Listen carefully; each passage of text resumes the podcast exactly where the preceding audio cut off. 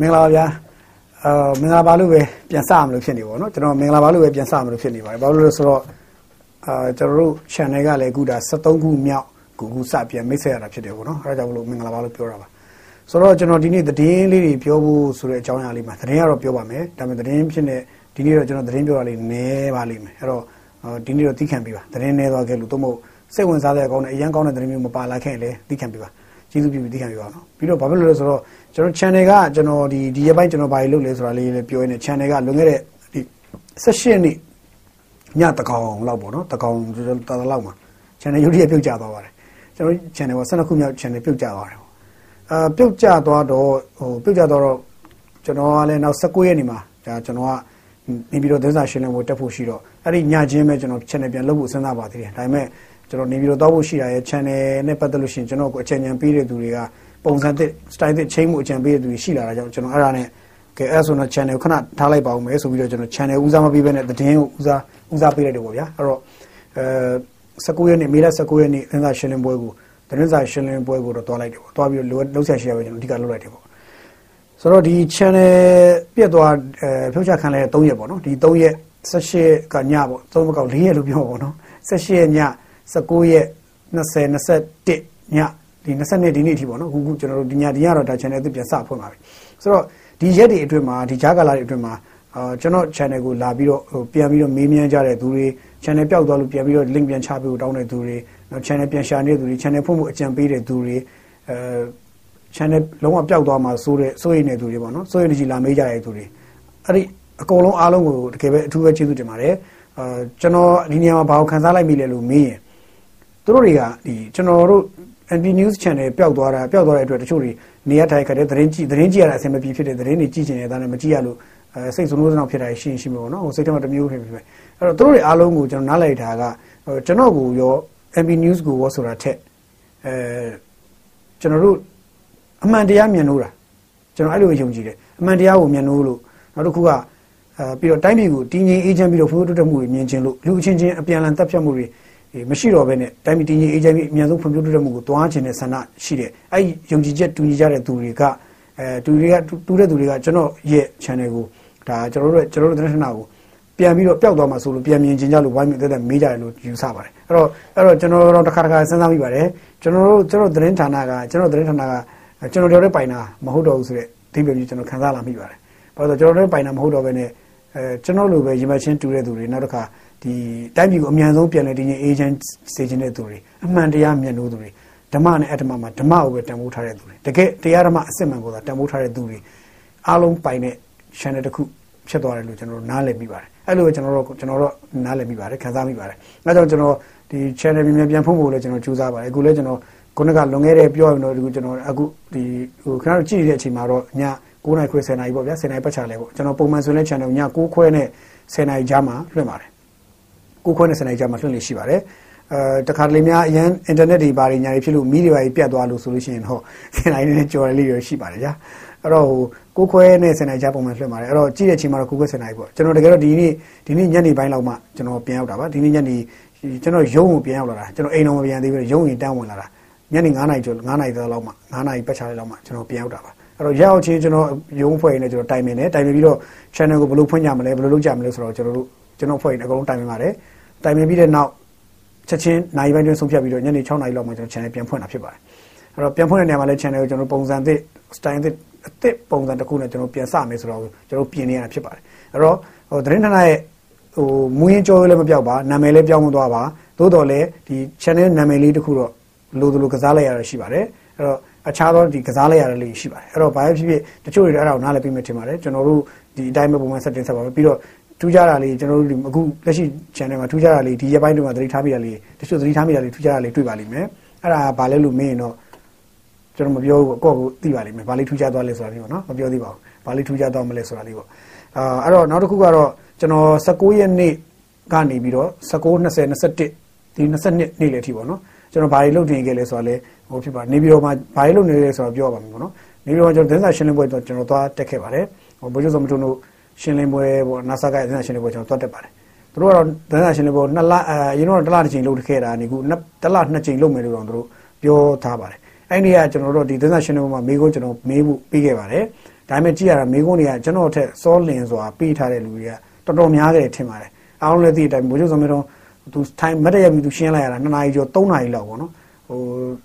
ရှေ့မှာ stand ပြောတာရှေ့မှာသူသူအဖွင့်ပြောတာရှိမယ်ပြီးရင်ဥက္ကမောင်ဝင်လာရှိမယ်ဥက္ကမောင်မေးတာရှိမယ်ပြီးရင် သူ့ကိုအမေးဖြေမှရှိတယ်သူ့အမေးဖြေတဲ့အပိုင်းမယ်ဆိုရင်သူတကယ်တော့2နာရီခွဲလောက်သူငို့မတ်တက်ရက်နေရတယ်မတ်တက်ကြီးရက်ပြီးတော့သူတရဇက်ထိုင်ဖြေရတာပေါ့နော်ဖြေမတ်တက်ရက်ဖြေရတာပေါ့ဆိုတော့ခါကြောတောင်းမယ်သဘောရှိတယ်ဆိုတော့မေကုန်းတွေကလည်းအများကြီးဝိုင်းမေးကြရဲဆိုတော့ကျွန်တော်မေကုန်းအလှည့်ကိုရောက်လိုက်ပုံမရပါဘူးညနေ9နာရီမှသူတို့မေကုန်းဖြတ်ချလိုက်တဲ့အတွက်နောက်ဆုံးမေကုန်းဆိုဖြတ်ချလိုက်တော့ကျွန်တော်မေကုန်းမပါသွားခဲ့ပါဘူးနော်မပါသွားခဲ့တဲ့အခါကျတော့ကျွန်တော်ကလည်းအဲမရဘူးလေသွားမေးပါတယ်ရအောင်လည်းသွားမေးပါတယ်တချို့လည်းဒီ အဲ MRTV ရဲ့သတင်းစာရှင်းလင်းပွဲ live ကြည့်နေတဲ့လူဆိုရင်မြင်ကောင်းမြင်ပါလိမ့်မယ်ကျွန်တော်သတင်းစာရှင်းလင်းပွဲလည်းပြီးပြီပိတ်လိုက်ပြီလဲဆိုလို့ဆိုတော့ကျွန်တော်ကင်မရာကိုင်းပြေးသွားတာတချို့မြင်နေမြင်လိုက်ပါလိမ့်မယ်တချို့မြင်ကောင်းမြင်ကြပါလိမ့်မယ်မမြင်တဲ့တွေလည်းအခုမြင်နေမှတ်ပေါ့ဗျာနော်ပြန်ရှာကြည့်ပေါ့ရှိရှိပါလိမ့်မယ်ဆိုတော့ဘာလဲဆိုတော့ကျွန်တော်ဒီဘိုးချုပ်သမီးတို့စီအတင်းပြေးသွားပြီးမေးတယ်ကျွန်တော်မေးခွန်းကဒီ press တက်မှာမေးဖို့အချိန်မမိလိုက်ဘူးဟို press conference မှာမမိလိုက်တဲ့အတွက်ကျွန်တော်နောက်ကျသွားတယ်လို့ကျွန်တော်ထင်ပါတယ်အဲဒါကြောင့်မို့ကျွန်တော်နောက်ကအသေးအံလိုက်ပြေးပြီးတော့သွားမေးတာ သွားမေးတာသွားမေးတော့ဆိုတော့သူတော့နားကြည့်မရဘူးဒရက်ဆက်သွားမေးတာအမှသူတင်းတောက်တွေနဲ့ဝိုင်းအုံနေချိန်မှာကျွန်တော်ကင်မရာကင်ပြီးတစ်ခါတန်းမေးတာမေးတော့အားလုံးလည်းအဲ့ user file ကြည့်ပြီးကြပြီလို့ထင်ပါတယ်အဲအဲ့တော့ကျွန်တော်ရောက်နေတဲ့နေပြည်တော်ရောက်နေတဲ့ကာလအတွင်းမှာပဲဒါဥရက်စစ် US ဒီ RCSS က US တို့ရောက်လာတယ် US တို့ဖွဲ့ရောက်လာပြီးတော့အာဗိုလ်ချုပ်ကြီးမင်းအောင်လည်းတွေ့တယ်နောက်ဗိုလ်ချုပ်ကြီးရာပြည့်တို့နဲ့ဆက်လက်ဆွေးနွေးတယ်အဲဒီနေ့ထီအောင်ဆွေးနွေးအဲဒီနေ့တော့ပြီးသွားပြီပေါ့နော်ပြီးသွားပြီဆွေးနွေးတယ်ဒီနေ့မနက်ပိုင်းကျဆွေးနွေးတယ်လို့ကျွန်တော်သိရတယ်အဲ ဆွေးနွေးပြီးတဲ့နောက်တော့ဒါဒီနေ့တော့အာမွန်ပြည်သက်ပါတီကနော်မွန်မွန် NMS SB ပေါ့သူကသူကဒုက္ခရဥဆောင်တဲ့အဖွဲ့ဒီနေ့ရောက်လာပြီဖြစ်ပါတယ်မနက်ဖြန်တော့ဗိုလ်ချုပ်ကြီးမင်းအောင်လည်းနဲ့ဆွေးနွေးမယ်ဆိုတာသိရပါတယ်ဆိုတော့သူတို့ဒီဖိတ်ခေါ်လိုက်တဲ့ကိစ္စလေးတွေကျွန်တော်တို့ဒီမှာပြန်ပြီးတော့ဟိုကျွန်တော်ပြန်ပြီးစာပြန်နှွှေးရမယ်တော့ဖြစ်သွားတာပေါ့နော်ဆိုတော့သူတို့ဖိတ်ခေါ်လိုက်တဲ့ကိစ္စကတော့ဒီဗိုလ်ချုပ်ကြီးမင်းအောင်လိုင်းဖိတ်ခေါ်တဲ့ဖိတ်ခေါ်ချက်ကငင်းချင်းဖိတ်ခေါ်ချက်ဆိုတာရှိတယ်ငင်းချင်းဖိတ်ခေါ်ချက်ကတော့သူကသူနဲ့သူကိုယ်တိုင်ဆွေးနွေးမယ်ပြီးရင်သူ့ရဲ့ဒီဆက်လက်ဆွေးနွေးကြတဲ့ကိစ္စတွေသူ့ရဲ့ဒီငင်းချင်းကော်မရှင်လို့ science လို့ခေါ်ပြောလို့ရတဲ့ဒီဒုတိယဗိုလ်ချုပ်ကြီးယာပြည့်လို့နဲ့ဆက်လက်ဆွေးနွေးမယ်ဆိုတော့အဲ့လိုပုံစံမျိုးသူခေါ်ထားတာဖြစ်ပါတယ်အဲ့တော့တိုင်းသားလက်နက်ကိုင်ဖွဲ့ခေါင်းဆောင်တွေအနေနဲ့လာခဲ့ကြိုက်တာဆွေးနွေးကြိုက်တာပြောငါတို့အကုန်အတူတူတော့ဆွေးနွေးကြမယ်ဆိုတဲ့ဟာမျိုးပေါ့ဗျာဆိုတော့အခုအဲ့ဒီဆွေးနွေးပွဲကိုအခုဒါစဖြစ်ပြီပေါ့ဖြစ်လာပြီပေါ့ဆိုတော့10ဖွဲ့တက်မယ်ဆိုတဲ့သတင်းစကားကတော့အားလုံးသိပြီးသားဖြစ်ပါလိမ့်မယ်အဲ့တော့ပထမဆုံးဖွဲ့ဖြစ်တဲ့ဥရက်ဆက်ရောက်လာတယ်ကုတူရီကတော့မွန်ရောက်လာတယ် တိတ်မကြခင်မှာတော့နောက်ထပ်အဖွဲ့တွေတစ်ဖွဲ့ပြီးတစ်ဖွဲ့လာပါလိမ့်မယ်ဒီလဒီလဒီမကုံငင်လေးအတွင်းမှာအနည်းဆုံး၄၅ပွဲလောက်တွေ့ပြီးတော့ဒီနောက်တစ်ဖက်နောက်တစ်ခါဂျွန်လာထဲမှာလည်းဆက်တွေ့မယ်သဘောရှိတယ်ပြီးဂျွန်လာပြီးသွားရင်လည်းနောက်ထပ်တွေ့ဦးမယ်ဆိုတဲ့ဟာမျိုးပြောထားတာရှိပါတယ်ဂျွန်လာပြီးသွားရင်လည်းနောက်ထပ်တွေ့နိုင်ရရှိရဆိုတဲ့အကြောင်းကိုသူတို့ပြောပါတယ်အဲနောက်ပိုင်းမှာကဘာရှိမလဲဆိုကြံခဲ့တဲ့နောက်ဟိုတက်လက်တက်မယ်မတက်ဘူးမဆုံးဖြတ်သေးပဲနဲ့အဲအခြေအနေဆောင်ကြည့်မယ်ဆိုတဲ့အဖွဲ့တွေပေါ့အဲ့ဒါတွေကိုလည်းသူတို့ဆက်တွေ့သွားမယ်ဆိုတဲ့သဘောမျိုးအရေးအောင်မျိုးတွေ့ရပါတယ် ဆိုတော့ကျွန်တော်တို့ဒီဗိုလ်ချုပ်ကြီးရွက်စစ်တို့နဲ့ဆွေးနွေးမယ်မဆွေးနွေးခင်နေ့မှာကျွန်တော်ဗိုလ်ချုပ်စောမင်းတို့ကျွန်တော်မေးတဲ့မေးခွန်းလေးကိုအားလုံးပြန်ပြီးတော့ဟိုပြန်ပြီးကျွန်တော်တို့စာပြန်နှွှေးကြတာပေါ့နှွှေးကြည့်လိုက်ရင်ကျွန်တော်အဲ့မှာလူရင်းလေးပဲကျွန်တော်မေးပါတယ်လူရင်းကတော့ဘာလဲလို့မေးရင်ညီချင်းဆွေးနွေးဖို့လာတဲ့တိုင်းသားလက်နက်ကိုင်ခေါင်းဆောင်တွေကအကယ်၍များ Federal ကိုပိုင်အုပ်ချုပ်ခွင့်ကိုပိုင်ပြဋ္ဌာန်းခွင့်တောင်းလာခဲ့အမြင့်ဆုံး Confederate တောင်းလာရင်ဘယ်လိုလုပ်မလဲပေးမှာလားမပေးဘူးလား အဲ့ဒါတွေအားလုံးပေးမယ်ဆိုရင်တည်ဆဲဖွဲ့စည်းပုံမှာပြင်ရမယ့်ဟာတွေအများကြီးရှိတယ်တည်ဆဲဖွဲ့စည်းပုံမှာပြင်ရမယ့်အများကြီးတဲ့ကမှတကပထမဆုံးဆမ်မနာပြင်တဲ့ပထမဆုံးလှန်ပြီးပြင်ထုတ်ရမှာပုံမှန်436 439နော်အဲ့တော့အဲ့ဒီဟာကအရေးကြီးတယ်ပေါ့နော်ဆိုတော့အဲ့ဒါကြီးကျွန်တော်မေးခဲ့တော့ तू ဘယ်လိုဆိုမလို့ပြန်ဖြေထားတာကိုလည်းအားလုံးကြည့်ပြီးဖြစ်လိမ့်မယ်အဲသူဖြေထားတာလည်းရှင်းရှင်းလေးပါပဲ436လိုဟာမျိုးတွေဘာအများဆိုရင်ဒီအရင်တော့ဆိုရင်အစိုးရရဲ့လွှတ်တော်ရဲ့အဲတက်မတော်ရဲ့၃ဖွဲ့ရှိမှာပေါ့ဗျာ အဲ့၃ဖွဲ့နဲ့တိုင်းသားလက်နက်ကိုင်တစ်ဖွဲ့ဆွေးနွေးရတယ်ဆိုတော့တိုင်းသားလက်နက်ကိုင်တွေနေနဲ့အစိုးရနဲ့သဘောတူရင်တော့လွှတ်တော်နဲ့တပ်မတော်နဲ့ကျင်အောင်မယ်ဒါတပ်မတော်နဲ့သဘောတူရင်တော့အစိုးရနဲ့လွှတ်တော်ကျင်အောင်မယ်အာအစိုးရနဲ့လွှတ်တော်နဲ့သဘောတူရင်တော့တခါတပ်မတော်ကျင်အောင်မယ်တပ်မတော်နဲ့လွှတ်တော်သဘောတူရင်တော့အစိုးရကျင်အောင်မယ်အဲ့လိုနဲ့တစ်ဖွဲ့တစ်ဖွဲ့ကျန်နိုင်ကြီးရှိတာဟုတ်ဗျဘာဖြစ်လို့လဲဆိုတော့ဒီတပ်မတော်ကိုခေါင်းဆောင်တာတယောက်လွှတ်တော်ကိုခေါင်းဆောင်တာကတနှစ်ယောက်ပေါ့နှစ်ယောက်အစိုးရကိုခေါင်းဆောင်တာတယောက်ဆိုတော့ဒီထိပ်သီးခေါင်းဆောင်တွေကြားထဲမှာ သဘောထားအကယ်၍ကိုယ်လွဲမှုဖြစ်ခဲ့ရင်ဖွဲ့စည်းပုံချင်းဥပဒေပြင်ဆင်ရေးနဲ့ပတ်သက်တော့ကိုယ်လွဲမှုဖြစ်ခဲ့ရင်တိုင်းရင်းသားတွေတောင်းဆိုမှုနဲ့ပတ်သက်ရင်ပေါ့တော့ကိုယ်လွဲဖြစ်ရင်အခြေတင်ညင်းညခုံညာရင်းနဲ့ခုနမပြီးနိုင်မစည်းနိုင်ဖြစ်နိုင်ရပေါ့နော်ဆိုတော့အဲ့ဒါကဒါဟိုဒီမိုကရေစီရွေးကောက်ပွဲနဲ့တူတက်လာတဲ့အစိုးရတပ်တန်းတွေတခုမှဆိုရင်ပြောတော့ပေါ့နော်ဆိုတော့အခုကြတော့ဗာလဲဆိုတော့နိုင်ငံတော်ရဲ့အချုပ်ချာအာဏာအာဏာ၃ရက်လုံးကိုဗိုလ်ချုပ်ကြီးမင်းအောင်လှိုင်ကဒီ2008ဖွဲ့စည်းပုံအခြေခံဥပဒေအညီအာဏာထိန်းပြီးတဲ့နောက်သူကအာဏာထိန်းမှုရဲ့ပေါင်လေးကနေသူကသူ့ရဲ့ဒီ ဥပဒေပေါင်နဲ့သူကအာဏာသုံးရလို့သူကချုပ်ကန်စုပ်ကန်ပိုင်ခွင့်ရထားတယ်ဆိုတော့အာဏာသုံးရလို့တဦးတည်းရဲ့ဆုံးဖြတ်ပိုင်ခွင့်အထက်မှာသူကအပြည့်အဝရသွားတယ်ဖြစ်သွားတယ်ဆိုတော့အရင်တော့ဆိုတော့သမရတော်ကသမရရဲ့ဆုံးဖြတ်ချက်ကတော့ပဲတခါလွတ်တော်နဲ့လွတ်တော်မှာညင်းခုံရအောင်မယ်ဟိုတက်ကလည်းသမရကြီးခင်ဗျာဒါတော့တင့်တော်တယ်မတင့်တော်ပါဘူးပြန်တင်ပြအောင်မယ်ဆွေးနွေးအောင်မယ်ဖြစ်အောင်မယ်ဗျာဆိုတော့ဒါဖြစ်အောင်မယ်ဒါလွန်ခဲ့တဲ့ဆယ်နှစ်မှလည်းဖြစ်ခဲ့တာရှိပြီလားဆိုတော့တခါတက်ကဒါလိုချင်းဒါလေးဖြစ်ဒါလေးလုပ်ပြီးကောင်းမှာပဲသမရကြီးခင်ဗျာဆိုတော့သမရတွေအစိုးရဖွဲ့တွေကအာမဟုတ်ဘူးဒါတော့မတင့်တော်ဘူး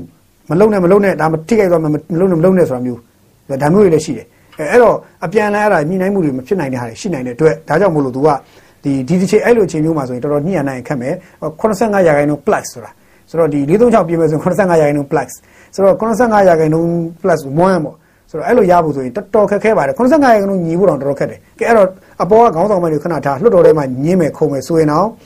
လွတ်တော်ထဲမှာရှိတဲ့85ရာခိုင်နှုန်းသောလွတ်တော်ကိုယ်စားလှယ်တွေအားလုံးသဘောတူညီဖို့ဆိုတာခက်ပြန်ရောဘာကြောင့်လဲဆိုတော့တပါတီရဲ့လွတ်တော်မှာတပါတီရဲ့ရှိနေတာမဟုတ်ဘူး အခြားသောဒီစန့်ကျင်ဘက်ပါတီရဲ့လူတွေကလည်းရှိနေသေးတယ်ရှိနေတဲ့တွေသူကအဲစန့်ကျင်ဘက်ပါတီရဲ့လူတွေကဒါမဟုတ်ဘူးအထင်စကန့်ကွက်ရင်85ရဲ့တော့မပြေတော့ဘူးဟိုဘက်က plus ကိုခဏထားအောင်ဟိုဘက်က plus ကသဘောတူတယ်ဆိုရင်ဒီဘက်က85မပြည့်ပြန်ဘူးအဲ့လိုဇလန်နဲ့ရှိနိုင်သေးတယ်ဆိုလိုတာအဲကြောင့်အဲ့လိုအထွေထွေချင်းတွေကြောင့်အာဟိုတိုင်းသားလက်နက်ကိုင်တိုင်းသားလက်နက်ကိုင်ဖွဲ့စည်းရေးတောင်းဆိုတဲ့ဒီကိုပိုင်ပြဋ္ဌာန်းခွင့်ကိုပိုင်အုပ်ချုပ်ခွင့်တို့ confederate တို့ဘာတို့ညာတို့ပေါ့ဗျာအဲ့ဒါတွေအကုန်လုံးဟာတန်းတူညီများရေးဘာရေးညာရေးပေါ့အဲ့ဒါတွေအကုန်လုံးဟာ တော်တော်တော့ဒီရှေ့မတိုးတာနောက်မဆုတ်တာတဲ့အခြေအနေမှာဖြစ်တတ်ပါတယ်အဲ့တော့အဲ့လိုဖြစ်နိုင်နေရှိတဲ့ဟာမျိုးတွေကနေပြီးတော့ဒီနေ့ဒီချိန်ကျတော့ဖြစ်ပလားဆိုတော့ဒီနေ့ဒီချိန်မှာကျတော့ဘာကောင်းသွားလဲဆိုတော့ဘိုးချုပ်ကြီးမင်းအောင်လက်ထက်မှာအချုပ်ချာအာဏာ၃ရက်လုံးသူ့မှာရှိထားတယ်ဆိုတော့သူကနေပြီးတော့ကဲဟဲ့အောင်နေဒါပြင်ပေးမယ်ကွာဒါလုပ်မယ်ကွာဒါခွင့်ဒါခွင့်ဒါခွင့်ပြုမယ်ဆိုရင်သူကသူ့ရဲ့တက်တန်းအာဏာရယူပိုင်ခွင့်ဒါတစ်နှစ်ကျန်တစ်နှစ်တွင်မှာဒီလက်ရှင်လက်ကျန်တစ်နှစ်တွင်မှာသူက decision ကိုတိတိကျကျပေးပိုင်ခွင့်ရှိတယ်ပေးလိုက်ပြီးတာနဲ့အများနောက်တက်လာမယ့်အစိုးရလက်ထက်ကြလို့ရှိရင်အဲ့ဒီ တိုင်းသားလက်နက်ကိုင်ဖွဲ့စည်းနေအဲ့ဒီအစိုးရတွေအားလုံးကသဘောတူထားပြီးသားသူ့ရဲ့ပေးလိုက်တဲ့အဲ့ agreement ရော့ငါတို့လက်ထက်မှာဒါသဘောတူထားခဲ့တယ်ငင်းချင်အောင်ငါတို့ဒါလုပ်ပေးခဲ့တယ်အဲမင်းတို့ဆက်ဆွေးနွေးလိုက်တော့ကျန်တာမင်းတို့ဆက်ပြီးဆွေးနွေးပြီးတော့မင်းတို့ဆက်ပြီးတော့ညီနိုင်ရင်တော့ငါတို့နိုင်ငံမှာတမိုင်းကြီးကိုမှတ်တမ်းကြီးကိုမင်းတို့ရေးထုတ်ခွင့်ရမယ်လက်မှတ်ထိုးမှမင်းတို့ထိုးခွင့်ရပါလိမ့်မယ်ငါတို့က pre ပဲထိုးခွင့်ရှိတာအဲ့သဘောဖြစ်သွားမယ်အဲ့တော့ဟိုဘိုးကြီးမင်းအောင်လည်းလမ်းခင်းပေးလိုက်မယ်ရှောက်ရမှာအဲ့နောက်လာမယ်အစိုးရဆက်ရှောက်ပါဆိုတော့ဒီပဲအဲ့တော့ तू ကလမ်းခင်းပေးခြင်းတယ်ဆိုဒိဗယ်နဲ့ तू က သူတယောက်တည်းတဲ့ထဲမှာအာနာရှိတဲ့အချိန်မှာလာခဲ့အကုန်လုံးကျွန်တော်ဆွေးနွေးမယ်ဆိုတဲ့သဘောကိုဖိတ်ခေါ်တယ်ဆိုတာမျိုးပိုးချုပ်စောမင်းထွန်းကသူကပြောလိုက်တယ်ဆိုတော့ဒါကတပိုင်းပေါ့ဗျာနောက်တစ်ခါဒီတိုင်းသားလက်ကိုင်တွေရဲ့အာတိုင်းသားလက်ကိုင်အများတောင်းဆိုနေတဲ့အချက်တွေရှိတယ်ပေါ့ဆိုတော့တောင်းဆိုနေချက်တွေရှိတယ်အဲ့ဒါဘာလဲလို့မေးရင်တော့တိုင်းသားလက်ကိုင်တွေအများနဲ့ပြောတယ်ဗျစစ်တပ်ကနိုင်ငံရေးတွေထွက်ပေးရမယ်စစ်တပ်ကနိုင်ငံရေးတွေထွက်ပေးရမယ်စစ်တပ်နိုင်ငံရေးတွေထွက်ရမယ်ဒါပဲလို့ထပ်ကပြောဆိုတော့ဒီစကားနဲ့အတူဘာပြဿနာဘာဖြစ်လဲဆိုတော့ စစ်တပ်ကနိုင်ငံရေးတဲ့ထွက်ပြေးပါထွက်ပြေးပါလို့တိုင်းသားလက်နက်ကိုင်တွေကပြောတယ်ဆိုရင်စစ်တပ်ကအဲ့ဒါဆိုရင်ဘာပြန်ပြောမှလဲဆိုတဲ့မိကုံကရှိပြန်အောင်ဘာလို့သူတို့လက်ညှိုးထိုးခံနေရတယ်ဆိုရင်လက်ညှိုးထိုးခံခံရတဲ့လူကလည်းအေးငါတို့ကလုပ်ပြီးထွက်ပြေးမင်းတို့ဘာလုပ်မလဲဆိုပြန်မိကုံထုတ်ပိုင်ခွင့်ရှိသွားတာပေါ့ဗျာပြောချင်တာကတော့အော်မြည်သူမဆိုးပြမှားနေသည်ဖြစ်စီမှန်နေသည်ဖြစ်စီနော်မှားနေတဲ့သူဖြစ်စီမှန်တဲ့သူဖြစ်စီကိုကိုကိုကိုလက်ညှိုးလာထိုးပြီဆိုရင်ပြန်လက်ညှိုးထိုးခြင်းရဲ့ မင်းလက်ညှိုးထုတ်ခံရတဲ့မင်းကိုပြန်ပြီးကောင်တာပြန်ပြီးပိုင်ခွင့်ရှိသလားမရှိသလားဆိုတဲ့ဟာကတော့ဒါခင်ဗျားတို့စဉ်းစားလို့ရတယ်ပေါ့ဗျာရှိသလားမရှိသလားပေါ့ဒါခင်ဗျားတို့တယောက်ကတစုံတယောက်ကလာပြီးတော့မှားလည်းဖြစ်စီမှန်တယ်ပဲဖြစ်စီခင်ဗျားတို့တစ်ခုခုလာပြီးတော့လက်ညှိုးထိုးပြောနေပြီဆိုရင်ခင်ဗျားဘက်ကပြန်ချေပပိုင်ခွင့်သို့မဟုတ်ပြန်လဲပြောဆိုပိုင်ခွင့်ရှိတယ်လို့ထင်လားမရှိဘူးလို့ထင်လားဒီမိုကရေစီမှာအဲ့လိုရှိလားမရှိဘူးလားပေါ့ဒီမိုကရေစီလို့ပြောထားရင်ရှိရမလားမရှိဘူးလားပေါ့အဲ့ဒီသဘောပေါ့နော်အဲ့တော့ကောင်းပြီအဲ့တော့ဘိုးချုပ်စောမင်းထွန်းတို့ဘက်ကတော့ပြန်မေးခွန်းထုတ်တယ်ပေါ့သူကဘာမျိုးလို့တက်မတော်ဘူး မင်းတို့နိုင်ငံရေးတဲ့တက်မတော်ထွက်နိုင်ငံရေးတဲ့တက်မတော်ထွက်လို့ပြောရင်မင်းတို့တိုင်းသားလက်နက်ကိုင်တွေရောလက်နက်တွေကိုင်ထားတာဘာလို့မှလဲပေါ့ဆိုတော့မိကုန်းမျိုးသူကပြန်မေးတယ်ပေါ့ဗျာသဘောတူကဆိုတော့မင်းတို့တိုင်းသားလက်နက်ကိုင်တွေနေနဲ့လက်နက်ကိုင်ထားတာဘာလို့မှလဲမင်းတို့ကလည်းလက်နက်ကိုင်ထားတာပဲအဲ့လက်နက်တွေကိုင်ထားမင်းတို့ဘာလို့မှလဲငါတို့ကနိုင်ငံရေးထွက်ပြပါဆိုရင်မင်းတို့ကဘာလုပ်ပြီးမှလဲပြောချင်တာအဲ့မင်းတို့ကဘာလုပ်မှလဲဆိုမိကုန်းပြန်မေးပြီဆိုတော့ဒီမိကုန်းပြန်မေးတဲ့အခါကျတော့တိုင်းသားလက်နက်ကိုင်တွေဘလို့ဖြေမလို့ကျွန်တော်လည်းမသိဘူးဗျဆိုတော့ကျွန်တော်မသိဘူးဒါဒါ तू तू तू မေးတဲ့မိကုန်းကိုဖြေရမှာတိုင်းသားလက်နက်ကိုင်တွေဖြေရမှာဖြစ်သွားပြီကျွန်တော်မသိဘူးသို့တော့ ပြန်တွေးလိုက်တာ तू မိကုန်းမှန်လားမေးမှန်တာပေါ့မိကုန်းမှန်တယ်လို့ခေါ်တာပေါ့နော်ဒါမင်းကမှန်တယ်လို့ခေါ်တယ်သူမိလိုက်တယ်မင်းကမင်းတို့ထွက်ပါလို့ပြောအေးငါတို့ထွက်မယ်ဆိုမင်းတို့ကဘာလုပ်ပြီးမှလဲမင်းတို့တနတ်ဒီကြိုင်မင်းတို့မျိုးတဲ့ဝင်လာမလို့လားပြန်ပြီးတော့မှလीအဲ့လိုလို့တော့ဘယ်ရမလဲပြောဗျာပြောရင်တော့အဲတိုင်းသားလက်နက်ကိုင်တွေကသူကစစ်တပ်ကိုနိုင်ငံရေးတဲ့ထွက်ပါဆိုရင်နိုင်ငံရေးတွေကစစ်တပ်ထွက်လို့ရအောင်တိုင်းသားလက်နက်ကိုင်တွေဘက်ကလည်းလုပ်ပေးရမယ့်ဟာတွေရှိပြန်အောင်ဒါမှသူကနှစ်ဖက် balance မျှတဲ့ဟာဖြစ်သွားမယ် မဟုတ်ရင်စစ်တပ်ကလည်းနိုင်ငံရေးတဲ့ထွက်ပါဆိုလုံးဝထွက်သွားလိုက်ပြီးတော့ဘယ်နဲ့သွားနေပြီးတော့သူစစ်တပ်ကသူမထုံနေအဲ့မှာတနက်ကိုင်တွေကတနက်ကြီးတွေကိုင်းမျိုးတွေဝင်ချလာမယ်အဲ့တော့ဘသူကာပြီးပါလဲဘသူကပြောမှလဲမျိုးတွေဝင်လာတွေ့ရဟာတွေဘာဖြစ်ဘာလို့ဘယ်လိုလုပ်မလဲမျိုးတွေဝင်လာတနက်တွေတကားနဲ့မျိုးတွေဝင်လာတော့တိုင်းသားလက်နက်ကိုင်တွေတနက်တွေတကားနဲ့မျိုးတွေဝင်လာတော့တော့ကြိုက်တယ်ပေါ့အဲ့လိုလားကျွန်တော်နားမလဲတာပေါ့နော်ဟိုတိုင်းသားလက်နက်ကိုင်တွေတနက်တွေတကားနဲ့မျိုးတွေဝင်လာမယ်ဥပဒေကနိုင်ငံတော်ဥပဒေမှမသိသူတို့ရဲ့လက်နက်လက်နက်နဲ့ကင်ထားတဲ့ဥပဒေမှမသိဘာနဲ့ကင်လို့မှမသိဥပဒေနဲ့ဥပဒေနဲ့ထင်ရဆိုင်မယ်ဆိုရင်ခင်ဗျားတို့အဲ့ဒါကိုလက်ခံမလို့လား အဲ့မိကိုလည်းရှိပြန်အောင်ဒါရိုးလေးပြန်မေးရရင်ပေါ့နော်ဆိုတော့မေကွန်းတိုင်းမှာမေကွန်းဖြစ်တယ်မေးလာတဲ့မေကွန်းတိုင်းပြန်ဖြေမှလည်းမေကွန်းတွေရှိတယ်အဲ့တော့ကို့ပြန်မေကွန်းခံမေးခံရတဲ့ခါကျတော့မှမဲ့မသွားဖို့လိုတာပေါ့ဗျာသူများကိုလက်ညှိုးထိုးပြီးသွားရင်ကို့ပြန်လက်ညှိုးထိုးရင်မဲ့မသွားကြကြီးပေါ့ဗျာအဲ့ဒါတော့အရေးကြီးတာပေါ့ဆိုတော့ဗိုလ်ချုပ်သမ္မတတို့သူတို့တက်မတော်ငင်းချင်တက်မတော်နိုင်ငံရေးထွက်ပါလို့ပြောရင်မှန်တယ်ကျွန်တော်တို့လည်းတောင်းတာပဲတက်မတော်နိုင်ငံရေးတွေမှာရှိကိုမရှိသင့်ဘူးနိုင်ငံရေးတွေမှာတက်မတော်ရှိနေသူတွေတက်မတော်လည်းသိခါကြတယ်နိုင်ငံလည်းနှင်မုန်းတယ်အဲဒါကြောင့်တက်မတော်နိုင်ငံရေးရထွက်ဖို့လိုအပ်တယ်ဒါဒါအမှန်တရား ကောင်းပြီအဲ့ဒီအမှန်တရားကိုရှာဖွေဖို့အတွက်တက်မတော်နိုင်ငံရေးထွက်မယ်ဆိုရင်တက်မတော်နိုင်ငံရေးထွက်နိုင်တဲ့အခင်းချင်းရှိထားဖို့လိုပြန်တယ်အခင်းချင်းပေါ့ရှိတာပေါ့အဲ့တော့အဲ့ဒီအခင်းချင်းရတာသေချာဖို့ရှိရတော့မယ်အရှိသလားမေးတော့ခင်ဗျားတို့ကမြင်တဲ့အတိုင်းပဲရှိတာမေးခင်ဗျားတို့ကမြင်နေတဲ့အတိုင်းပဲဆိုတော့ကျွန်တော်တို့အဲ့ဒါပြောရခက်တယ်ပေါ့နော်ဆိုတော့တချို့ကိစ္စတွေကအာသူ့ဟာသူဒီဒီကြက်ဥကြက်မလို့ပဲကြက်ဥကြက်မအစရှာမရတယ်လို့ပဲခင်ဗျာသူ့ပြောငါပြောသူ့ပြောငါပြောကြက်ဥကြက်မဘယ်အစားလဲမမေးနဲ့ပွဲရမပြီးသေချာကြောသားစားလိုက်တော့အေးရောနော်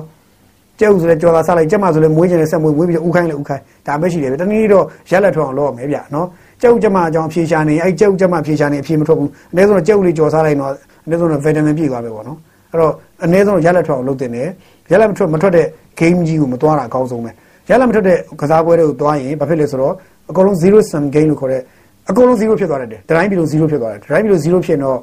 ဘာမှမထူဘူးလေတိုင်းပြည်ဝိုင်းဖြတ်ကြတာနဲ့အတူတူပေါ့ဗျာခင်ဗျာပွင့်လည်းပြောရင်တော့အားလုံးဝိုင်းဖြတ်ကြသည်ပေါ့ အားလုံးဝိုင်းပြီးတော့တိုးတက်အောင်အားလုံးဝိုင်းပြီးတော့ဟိုဟာပဲလေဟိုဆွဲတင်ကြသည်မဟုတ်ဘူးအားလုံးဝိုင်းတွန်းချတွန်းလဲကြသည်ဖြစ်ကုန်ပြီအဲ့လိုဖြစ်နေတယ်နော်တိုင်းပြည်အဲ့လိုဖြစ်မှာတော့ကျွန်တော်စိုးပါတယ်အဲ့တော့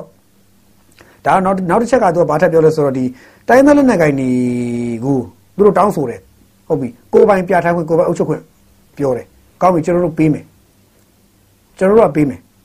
ခါကဘာလို့သေးလို့လဲအဲ့ဒါပေးမယ်ခင်ဗျားတို့ပဲအစစ်တစ်ဆက်တောက်လျှောက်တောင်းဆိုလာတယ်ကိုပိုင်အုပ်ချုပ်ခွင့်ကိုပိုင်ပြထားခွင့် ဘာညာပေါ့အဲ့ဒါတွေခင်ဗျတောက်လျှောက်တောင်းဆိုလာတယ်ပေါ့အဲသူပြောသူပြောတာနော်သူ version နဲ့ကျွန်တော်ပြန်ပြောပြနေတယ်ဆိုတော့အဲ့လိုပြောခင်ဗျားတို့အဲ့လိုပြောပြီးဟုတ်ပြီကျွန်တော်ပေးမယ်ဒါပေမဲ့ခင်ဗျားတို့တခုတော့ရှင်ခွဲတော့မထွက်အောင်ခွဲမထွက်အောင်ဆိုတဲ့စကားရဲ့အထိပ္ပယ်ကိုအများကြီးရှိတယ်ဗျကျေပြန့်တယ်ကျေပြန့်ဆိုတော့ဥမာကျွန်တော်တို့အဲ့ခွဲမထွက်အောင်ဆိုတဲ့စကားလုံးပါလာရင်ကျွန်တော်1940ခုနှစ်ဗိုလ်ချုပ်အောင်ဆန်းဟာကိုပြန်ကောက်တာကောက်ကြတယ်ပြန်ကောက်ကြတယ်ပေါ့နော်ဗိုလ်ချုပ်အောင်ဆန်းကဗိုလ်ချုပ်အောင်ဆန်း1940ခုနှစ်ပင်လုံမှာသူကဗမာနိုင်ငံဗမာဗမာလွတ်လပ်ရေးရမယ်ဗမာလွတ်လပ်ရေးရမယ် ဒီတိုင်းသားတွေနဲ့တိုင်းသားတွေကတော့တောင်တန်းဒေသတွေနဲ့တိုင်းသားတွေကတော့နှစ်30နောက်တော့နောက်တော့နှစ်30အင်္ဂလိပ်ဂျုံဖြစ်နေဦးမယ်နောက်တော့နှစ်30အင်္ဂလိပ်ဂျုံဖြစ်နေဦးမယ်ဒီဘက်ကဗမာတွေလွတ်လပ်ရပါတဲ့အချိန်မှာနှစ်30အင်္ဂလိပ်ဂျုံဖြစ်နေဦးမယ်နော်ဂျုံဖြစ်နေဦးမယ်အဲ့တော့အဲ့တော့ကျွန်တော်ဆက်နေမလို့လားလို့မေးတဲ့အချိန်မှာကျန်းစော်ပွားတွေအပါဝင်တကယ်ဟိုဟာဖြစ်တဲ့ထင်ရှားတဲ့တိုင်းသားကောင်းဆောင်တွေအကုန်လုံးကဟာအဲ့ဒါဆိုတော့မဖြစ်ဘူးဒါဆိုတော့အင်္ဂလိပ်တွေငါတို့ကျင်းထဲတာပဲဒီကောင်တွေကျင်းထဲတာအဲ့တော့ငါတို့သဘောပေါက်ပြီးဒါဆိုတော့မဖြစ်ဘူးငါတို့ဗမာဗမာကြီးနဲ့တူလွတ်လပ်ရေးယူမယ်လွတ်လပ်ရေးဆုံးရှုံးတာလည်းဗမာကြီးနဲ့တူဆုံးရှုံးခဲ့တာပဲ ဆိုတော့လွတ်လပ်ရေးပြန်ယူရင်လည်းဗမာကြီးနဲ့တူပြန်ယူမယ်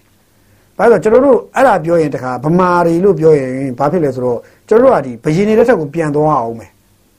တမိုင်းကိုပြန်သွားရင်အရှိကြီးဖြစ်ပြီနော်ဟိုးတကောင်းအဖေရသားပဲပြောမလားဘယ်နေရဘလို့စာမမသိပြူရဲစားကြိုက်တာပြောဗျာဘလို့ပြောပြောတေချာတာကတော့မြန်မာရဲ့ territory ကဘလောက်ကြီးမားကျေပြန့်ကလေးဆိုတော့ခင်ဗျားတို့အားလုံးလည်းကျွန်တော်တို့လည်းဒီကမ္ဘာတမိုင်းတွေပြန်ဖတ်မယ်ဆိုရင်မြန်မာတမိုင်းတွေပြန်ဖတ်မယ်ဆိုရင်တွေ့မှာပဲဗမာ empire ပေါ့မြန်မာ empire ဘယ်ထိကျေပြန့်လဲ မြန်မာပြည်ဟိုအထက်ပိုင်းဆိုဟိုအထက်ပိုင်းခုလက်ရှိမြေပုံထက်ပိုများတယ်ဟိုးမြောက်ဘက်ဆိုအိန္ဒိယအိန္ဒိယအိန္ဒိယမဏိပူရကသဲတွေရောက်သွားတယ်အိန္ဒီဘက်ဒီဘက်ဆိုလို့ရှိရင်ဒီဘက်ဟိုစစ်တောင်းတွေဟိုစစ်တကောင်းတွေရောက်ကုန်တယ်စစ်တကောင်းဘင်္ဂလားဒေ့ရှ်စစ်တကောင်းဟိုဘက်ကိုသွားလို့ရှိရင်တရုတ်ပြည်နာကအဆက်ဟိုဘက်ထိဒီဘက်ကိုဒီဘက်ကိုဆိုလာဟိုထိုင်းနေပါအဆက်တွေအကုန်ဝင်ကုန်တာပတ်ပြီးမှွေထားတာနော်ဟိုပတ်ပြီးတော့အဲ့ဒီ empire ကြီးတွေနဲ့ empire နိုင်ငံ empire သုံးခေတ်ဖြစ်ခဲ့ဘူးလေမြန်မာအဲ့ဒီသုံးခေတ်နဲ့သူကသွားတဲ့အချိန်မှာအားလုံးကအဲ့ဒါအဲ့ဒီတော့ဗမာဘရင်တွေရဲ့ဗမာဘရင်တွေနဲ့အဲ့ဒီသက်ဆိုင်ရာစော်ဘွားတွေဘာတွေအကုန်လုံးက သူ in line ဖြစ်ထားတယ်ပြောရင်တော့ဒါလည်းဟိုပါပဲဒီနိုင်ငံရဲ့ဒါပြည်တော်စုလိုပဲဒီဘက်ခေတ်လို့ဆိုပြည်တော်စုလိုပဲဒီဒီနိုင်ငံကြီးကုန်လို့အကြီးဆုံးထိပ်ဆုံးအကြီးခဲ့ရတော့ဒါဗမာဘရင်ထိပ်ဆုံးကြီးခဲ့ဖြစ်ပြီးတော့ကျန်တဲ့သက်ဆိုင်ရာဒေသတွေဟွာတွေအကုန်လုံးကသူတို့ကဒီသူတို့အဲ့မှာဒေသဘရင်ဒေသဘရင်တွေပဲဒါပေမဲ့သူတို့အားလုံးရဲ့နောက်ဆုံးဒီအကြီးအကြီးဆုံးဟွာကဒီဘက်မှာသူတို့ဒေသမှာသူတို့စိတ်ချိုက်အုပ်ချုပ်ပိုင်ခွင့်ရှိတယ်ဒါပေမဲ့သူတို့ဒေသမှာတခုခုဖြစ်လို့ကျူးကျော်စစ်တွေဖြစ်လာပြီဆိုဗမာပြည်နဲ့သွားပြီးတော့တိုက်ပေးရတယ်ကာကွယ်ပေးရတယ်ဗမာပြည်နဲ့သူတို့အခွန်ပနာဆက်ရတယ်ဒီပုံစံနဲ့ တောက်လျှောက်ဖြစ်လာတယ်ပြောစုကြီးကရခိုင်နေဆိုရင်လည်းရခိုင်ပြည်နေရှိတယ်ဒါပေမဲ့ဘိုးတော်ဘိုးတော်ဖရာလက်ထက်ဘိုးတော်ဝိုင်းလူလက်ထက်မှာတော့ဒါရခိုင်တွေကိုဒီဘက်ကဗမာတွေကသိမ့်လိုက်တယ်ဘာဖြစ်လဲညာဖြစ်လဲဆိုတာရှိတယ်ဒါလည်းသမိုင်းတွေကပြန်ဖတ်ရင်တော့သမိုင်းတွေကဒုထန်တာထန်ပြောရမယ့်ကိစ္စတွေဖြစ်တဲ့အတွက်ပြောရင်သမိုင်းကဇလန့်ရှိတယ်အဲ့တော့မြန်မာရဲ့ territory ကကိုလည်းကျေပြတ်နေလို့ကျွန်တော်ပြောချင်တာဆိုတော့အင်္ဂလိပ်တွေအုပ်ချုပ်တော့အင်္ဂလိပ်တွေကြုံဖြစ်နေသိန်းတော့အဲ့ဒီဗမာအကျေကြီးအဲ့လောက်အကျေကြီးအကုန်လုံးယူသွားတာပြန်ပေးရင်လေအကုန်လုံးပြန်ပေးရမယ်ဆိုတော့ဘိုးကျောင်းဆန်းရဲ့ဒီယုံကြည်ချက်ပေါ့ခံယူချက်အဲဘိုးချုပ်ကအဲ့ဒါကိုတည်ထားတဲ့အတွက်ဒါက သူအဲ့လိုခေါင်းစဉ်နဲ့သူအမြဲဆွေးနွေးခဲ့တယ်ဆိုတော့ဟိုတိုင်းသားခေါင်းဆောင်တွေကတော့အဲ့ဒါကိုလက်ခံတယ်လက်ခံရင်းနဲ့သူပင်လုံစာချုပ်ချုပ်ဖို့လုပ်တယ်ဒါပေမဲ့အဲ့ထက်မှာဂတိကိုတစ်ခုကပါလာတယ်အခုဒီနေ့ခွတ်ထွက်ခွင့်လို့ဒန်းတူညီများခွင့်ဘာညာတွေပါလာတော့ဗျာအဲ့တော့ဘိုးချုပ်ကပြတ်သားတဲ့ဂတိပေးတယ်ကျွန်တော်တို့နဲ့10နှစ်ပေါင်းမှာ10နှစ်ပေါင်းကြည့်လို့ခင်ဗျားတို့မတိုးတက်ဘူးအတူတူမတိုးတက်ကြဘူးဆိုရင်ခင်ဗျားတို့ခွတ်ထွက်ခြင်းခွတ်ထွက်ဒါဘိုးချုပ်ကသူလွတ်လပ်စွာသူပြောခဲ့တဲ့စကားဒါသူ့ရဲ့ဒီအာမခံချက်နဲ့သူပြောခဲ့တဲ့ဂတိကိုအဲ့လိုပြောခဲ့တဲ့ဂတိကိုကဘိုးချုပ်က1949 February မှာပေးခဲ့တဲ့ဂတိကိုက 40ခွန်ပင်လုံညီလာခံပေါ့ဗျာအဲ့အဲ့ဒီပင်လုံညီလာခံဖြစ်လာဖို့ပေးခဲ့ဂတိကြီးကသူ့တောင်မှပဲသူ့ကိုသူ့တောင်မကာဝယ်နိုင်မင်းနဲ့ကွယ်လုံးဆုံးမတော့ရတယ်လုံချန်တက်ပြတ်ခံလိုက်ရတယ်ပြန်တွေးကြည့်ရင်သူ့ကိုလုံချန်တက်ပြတ်တဲ့လူတွေပေါ်လာတယ်ဘယ်သူတွေပေါ်လာလဲဒါခမတို့တည်တိုင်းကလုံးဦးစောလူမျိုးပေါ်လာတယ်ဘာလို့သူကသူ့ဇာလန်တက်ရှိပြီးသားဒါကျွန်တော်နောက်ပိုင်းကျရင်ဘိုလ်ချုပ်ကဘွားကျရင်တက်တက်ကျွန်တော်လုပ်ပါအောင်ဒါလေးကိုလေအဲအဲ့တော့ဘိုလ်ချုပ်ကဒီ19ဇူလိုင်မှာလုံချန်ခံရတယ်ဆိုတော့လုံချန်ခံလိုက်ရတဲ့နောက် သူလုံချန်ခံရတာ40ခွန်မှာလုံချန်40ခွန်နဲ့မှာလုံချန်ခံ48မှာလွတ်လပ်ရရတယ်ဆိုတော့48လွတ်လပ်ရပြီးတော့10နှစ်ပေါ့ဗျာ58 48ကနေ58 10နှစ်10နှစ်ပြည့်ပြီးတော့နောက်ကြလို့ရှိရင်ဘာဖြစ်မလဲညာဖြစ်မလဲဆိုတာဇာလန်ရှိတယ်အဲ့တော့48ကနေ58ဆိုတော့48 58 10နှစ်တွင်မှာတိုင်းပြည်တပြည်လုံးတိုးတက်သလားလို့မေးတော့မတိုးတက်ဘူးဗျမတိုးတက်တဲ့အကြောင်းအရာဘယ်အစလဲလို့မေးရင်လည်းတခါတပုတ်လို့လဲနေတယ်အခုကျွန်တော်ပြောရင်လည်းတခါတချို့တွေကဘယ်ဟာကိုဖတ်ပြီးတော့ပြောလို့တော့ကျွန်တော်လည်းမသိဘူး ကျွန်တော်တော့5 6မျိုးလောက်ကိုဖတ်ပြီးတော့မှကျွန်တော်ချိတ်ပြီးခြုံပြီးတော့ပြောကြည့်ရင်ရိုးရိုးလေးပြောရင်ကျွန်တော်နိုင်ငံက48 58မှာဗာလဲအရှေ့တောင်အာရှမှာကျွန်တော်တို့ကကြာအာရှမှာကြာခါပြောတာကြာတော့ကြာစက်ကူကြာဖြစ်နေတာအဲ့ဒီတုန်းကစက်ကူကြာဖြစ်နေတာအဲ့ဒီတုန်းကစက်ကူကြာဖြစ်နေကြတာဘာလို့ဆိုတော့မြန်မာအဲ့ဒီတုန်းကအကျွေးတင်နေတယ်ဗြိတိန်ရဲ့အင်္ဂလိပ်ကထားခဲ့တဲ့အကျွေးတွေတပြုံတမင်းကိုကျွန်တော်ဆက်နေရတယ်48ကနေ58တိအောင်မကြည့်ဘူးအကျွေးတပုံကြီးဆက်နေရတယ်အင်္ဂလိပ်ထားခဲ့တဲ့ကျွေးတွေအင်္ဂလိပ်တွေကကျွန်တော်တို့နိုင်ငံကိုကြုံလို့လဲကြုံလို့သိနေဓမြလို့လဲဓမြတိုက်သွားသေးတယ် ကြုံလို့လဲဆက်ဆံသေးတယ်ဓမြလို့လဲဓမြတိုက်သွားသေးတယ်ဗျာပြီးလဲပြီးတော့ပြီးလဲပြီးသွားရောဘာလို့လဲဆိုတော့အာကျွေးနေထားခဲ့တယ်ဒီနိုင်ငံမှာတစ်နှစ်တစ်နှစ်ကိုသုံးနိုင်တာမှဘာလဲဟိုကျွန်တော်အဲ့တော့ဆို grade billion 40ပေါ့ကြက် grade grade 40ပေါ့ကြက် grade 40 grade 40သုံးတယ်တကယ်ဝင်တဲ့ဝင်ဝင်က grade 20ဝင်တယ်ပြန်တိုးရမှာမှအများဆုံးက grade 30ပဲတစ်နှစ်ကိုအဲ့တော့အကျွေးကတစ်နှစ်ကို10 grade 15 grade အဲ့လိုပုံမှန်ရှိနေတာအကျွေးကအဲ့ဒါအင်္ဂလန်နေထားခဲ့တဲ့အဲ့တုန်းကအကျွေးကမြန်မာတောက်လျှောက်အဲ့ဒီကျွေးကိုတောက်လျှောက်ဆက်ရတာခြာလက်ဘက်လည်နေအောင်ဆက်ရတာကျွေးကို ပြီးတော့ဘာဖြစ်လဲဆိုတော့အခုမင်္ဂလာတုံနေစိတ်ရန်ကုန်နေစိတ်ကြီးကအရင်တော့ဆိုအဲ့အရင်စာချုပ်လက်ရ frame စာချုပ်ကိုသွားဖတ်ခင်ဗျားတို့ဖတ်ကြည့်အောင်ဆန်းအဒလီစာချုပ်လက်ရ frame စာချုပ်နုအဒလီစာချုပ်သုံးမျိုးရှိတယ်အဲ့ဒီလက်ရ frame စာချုပ်ကိုသွားဖတ်ကြည့်တယ်လက်ရ frame စာချုပ်မှာဆိုရင်ဘာပါဘူးလဲဆိုတော့ဒီမြန်မာပြည်လေစိတ်တွေကိုဗြိတိန်တွေကသူတို့သူတို့ရင်တော့လောက်ခဲ့တာမှန်ပါတယ်ဒါပေမဲ့သူတို့လွတ်လိုက်ပေးပြီးတဲ့နောက်မှာသူကဘာလို့ဆိုတော့မြန်မာပြည်လေစိတ်တွေကိုသူတို့ရဲ့ဗြိတိန်လေတွေကစစ်ရေးရဖြစ်စီဘာရေးရညာရေးရဖြစ်စီလေရင်ဆင်းမဲ့ဆိုရင်လွတ်လွတ်လပ်ဆင်းခွင့်ပြုရမယ် သူတို့နိုင်ငံလွတ်လပ်ရေးလည်းပေးတယ်ပြောစီကျွန်တော်တို့ကြုံဖြစ်နေဆက်ထားခြင်းသေးတယ်စိတ်သူတို့အဲ့လိုအနိုင်အနိုင်အသာစီကနေစာချုပ်ထုတ်တာဗျာဆိုတော့အဲ့ဒါရှိတယ်အဲ့တော့48ကနေ58အဲ့လိုဒီကနေ့ဒီဗြိတိန်ရဲ့ထားခဲ့တဲ့ပြဿနာအရှုပ်ထွေးကြီးရှိတယ်တစ်ချက်ကနောက်တစ်ချက်ကတိုင်းသားလက်နက်ကိုင်တွေကအချင်းချင်းတိုင်းသားလက်နက်ကိုင်ပေါင်းများစွာပေါ်ပေါ်တယ် community ပေါ်တယ်အာဒီတပ်မတော်တွေကတရင်တွေခွဲထွက်ပြီးတော့တပုံပြန်ထတယ်ရဲဘော်ဖြူတွေဝါတွေပြားတွေနဲ့တွေစုံချက်ခက်ကုန်အကုန်လုံးတိုင်းပြည်လုံးရောင်းစုံတပုံဆိုတာအဲ့တုန်းကသုံးတဲ့စကားလုံးရောင်းစုံတပုံထားရတာတကယ်လည်းဖြစ်ခဲ့တယ် ဖြစ်လို့ရန်ကုန်ဟိုအင်းစိန်ဟိုဒီဒီဒီရန်ကုန်အစိုးရဆိုကော့ကော့ကလေးပဲကျန်တဲ့ထင်အောင်အစိုးရအဲ့လိုဖြစ်သွားတယ်အစိုးရလို့သာခေါ်တာသူကသူအစိုးရနေသလားမရသလားတော့မသိတဲ့အထိအထိဖြစ်တာဥနုတို့ခင်ဗျာအဲ့လိုဖြစ်ပြီးတော့48ကနေပြီးတော့58မတိုင်ခင်အထိကိုတောက်လျှောက်တိုက်နေရတာဗျာတိုက်နေတိုက်နေတိုက်နေနဲ့လှုပ်လေလှုပ်လေလှုပ်လေလှုပ်လေလှုပ်လေလှုပ်လေနဲ့တင်းငင်အေးရမှုလေးလဲရရောခုနပြောတဲ့10နှစ်ပြည့်ရောဘိုးချုပ်ပြောတဲ့10နှစ်ပြည့်ရော58ဖြစ်သွားရော58လည်းရောက်ရောအချင်းကြီးကမကောင်းဘူး58ရောက်တော့ တိုင်းပြည်ဗမာလဲမင်းတို့နဲ့ပေါင်းတော့ငါတို့တို့ဆိုအချင်းချင်းကွဲကျင်သလားခွဲကျင်သလားတန်တရားတွေဘာမှမသိရှုချက်ခတ်ကုန်တော့နိုင်ငံရေးရကစားတာတွေပါလာပြီအဲ့မှာပါလာပြီးတော့ဦးနုကဦးနေဝင်အာနာလွှဲတယ်လွှဲဦးနေဝင်ကယူတယ်ယူပြီးတော့နောက်သိမကြောက်အာနာပြန်ပြန်ပေးတဲ့အနေနဲ့ရွက်ကောက်ဝဲပြန်ကျင်းပပေးတယ်60ရွက်ကောက်ဝဲပေါ်လာတယ်ပြန်ဟောဖြစ်တယ်60နှစ်လည်းကြာတခါပြန်သိမ်းတယ်60နှစ်သိမ်းတယ်ဆိုတော့လေဦးနုဦးကျော်ငိမ့်နုဦးနုနဲ့ဦးကျော်ငိမ့်နဲ့ကွဲတဲ့အကွဲပြေကျော်ငိမ့်ဘာဆိုရင်အုပ်စုဦးကျော်ငိမ့်ဘာဆိုအုပ်စုဦးနုနဲ့ဦးတင်အုပ်စု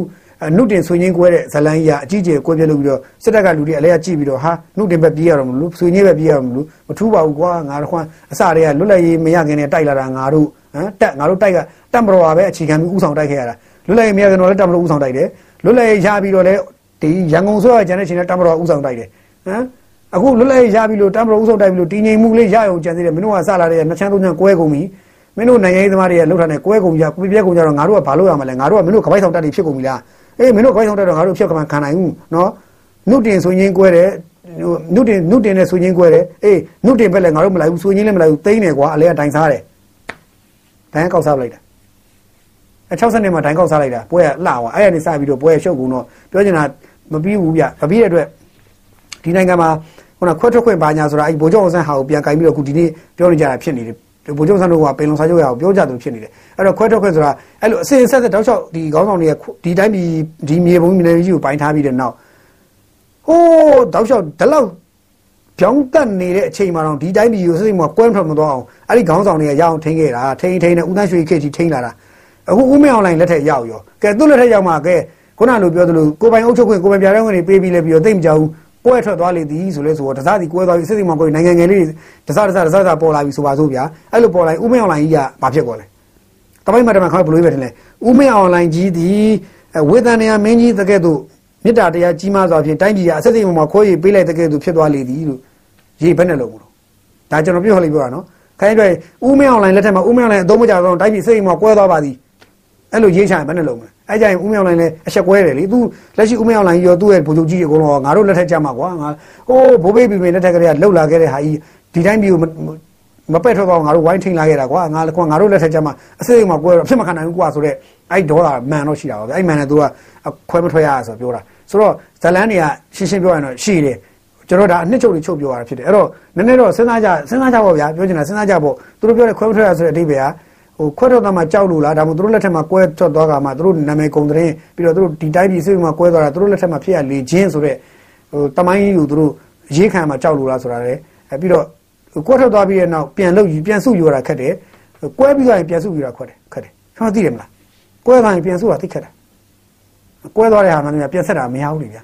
မင်းတို့ကဗကံများတစ်ချက်ပြစ်ချခွန်းကွဲသွားပြန်ဆက်ကြည့်ရလို့လားဒီမှန်တစ်ချက်ခွန်းပြစ်ချလိုက်ကွဲသွားပြန်ဆက်ရလား ရုရှားကွဲထွက်သွားတာပြန်ဆက်လို့ရတော့လားမရတော့ရုရှားလို့အင်အားကြီးနိုင်ငံမရတော့အဲ့တော့ကွဲပြီးမှပြန်ဆက်တာမရနိုင်ဘူးဆိုတာသိကြတယ်လေအဲ့တော့တို့လည်းဒါကိုစိုးရိမ်တဲ့အနေနဲ့တို့ဒီလိုပြောတယ်လို့ကျွန်တော်တို့နားလည်ပါတယ်အဲ့တော့ဘာဖြစ်ဖြစ်ဒီအထိုက်ကြီးချင်းအဖြစ်တော့ဒါတို့တွေအနေနဲ့စစ်တပ်အနေနဲ့ကတသက်လုံးတသက်လုံးတို့တောက်လျှောက်ထိန်းလာခဲ့တဲ့ဒီ Federal ဆိုတဲ့အကြောင်းမကြားချင်ဘူးဒီမိုကရေစီမကြားချင်ဘူးဆိုတော့လွန်ခဲ့တဲ့နှစ်30လောက်ကျော်လောက်မှာနှစ်30 40လောက်မှာနှစ်40လောက်မှာဒီမိုကရေစီမကြားချင်ဘူးဆိုတဲ့လူတွေကဒီနေ့ဒီချိန်မှာဒီမိုကရေစီကြောင့် ရဲရဲဝံ့ပြောတယ်ဒီမိုကရေစီဆိုတာဒီမိုကရေစီဆိုတာနဲ့ဒီမိုကရေစီစနစ်တိုင်းငါတို့ဘလို့သွားပြီဆိုတာကိုပြောတယ်ရဲရဲဝံ့အော်အဲ့ရပြီးတော့ Federal ဆိုတာမကြားချင်ဘူးလွန်ခဲ့တဲ့နှစ်20လောက်က Federal လုံးဝမကြားချင်ဘူးမကြားချင်ဘူး Federal အခု Federal ကြောင့်ပြောတယ်အခုနောက်ဆုံးမှာလဲကိုပိုင်အုပ်ချုပ်ခွင့်ကိုပိုင်ပြတိုင်းခွင့် Federal နဲ့ Federal ထဲမှာလည်းတခါဒိဗယ်မျိုးစုကွဲနေတယ်အများကြီးရှိသေးတယ်နော်အများကြီးရှိသေးတယ်အဲ့တော့ Federal အောက်မှာကွဲနေရလေအများကြီးရှိသေးတယ်နည်းနည်းလေးစဉ်းစားကြဖို့လိုသေးတယ်ကျွန်တော်ကလိုချင်တာ Federal American Federal လား India Federal လား Britain ရဲ့ Federal လားဘယ်လိုမျိုးလဲ အဲ့ပြန်စဉ်းစားဖို့လိုတာတော့ရုရှားဖက်ဒရယ်လားဘာမျိုးလဲဆိုတော့အဲ့ပြန်စဉ်းစားဖို့လိုတယ်ပေါ့ဗျာအဲ့တော့စဉ်းစားပြီးတော့မှသူကဟောပြမှာအဲ့ဒါပေမဲ့စစ်တပ်ကဒါကိုလက်ခံတယ်ပြောမယ်ဆွေးနွေးမယ်ရတယ်လက်ခံမယ်ချမယ်အဲအဲ့တော့ confederate အဆင့်ပုံစံမျိုးသာနည်းနည်းလေးသူတို့ပြန်စဉ်းစားပါတယ် confederate ကတော့အားလုံးသိတဲ့အတိုင်းပဲဟို confederate ကနည်းနည်းသူကျင်းပြင်းထန်တယ်လို့ယူဆတယ် confederate က confederate ဒီဥမာပြောရင်ဗျာဟောအင်္ဂလန် britain လို့ပြောတယ်ခေါ်တယ်ဒါပေမဲ့ britain ကမှ ireland scotland အဲ scotland ireland နဲ့ north north ireland ဒါရှိတယ် wales ဆိုရှိတယ်အဲ့တော့အဲ့ဒီဟာတွေအကုန်လုံးကသူ့နိုင်ငံနဲ့သူရှိပြီးတော့ဒါပေမဲ့ confederate ထဲမှာ britain ထဲမှာ great britain ထဲမှာပါတယ်ဆိုတော့ဘယ်လိုလဲပေါ့ဒါကြီးကနည်းနည်းလေးတော့ရှုပ်တယ်ပေါ့ဗျာပြောအဲ့တော့ဒီလိုမျိုးဖြစ်လို့တော့မရဘူးလေဖြုတ်မယ်ဖြစ်မယ်ဆိုရင်ဒီလိုလေးဗျာခင်ဗျာဒီတိုင်းများအဲ့လိုအဲ့လိုသာခွဲခြားကြီးဆိုရင်ခင်ဗျာကျွန်တော်ဒီနေရာမှာဥပမာပေးရမယ်အားအများကြီးဖြစ်သွားပြီအဲ့တော့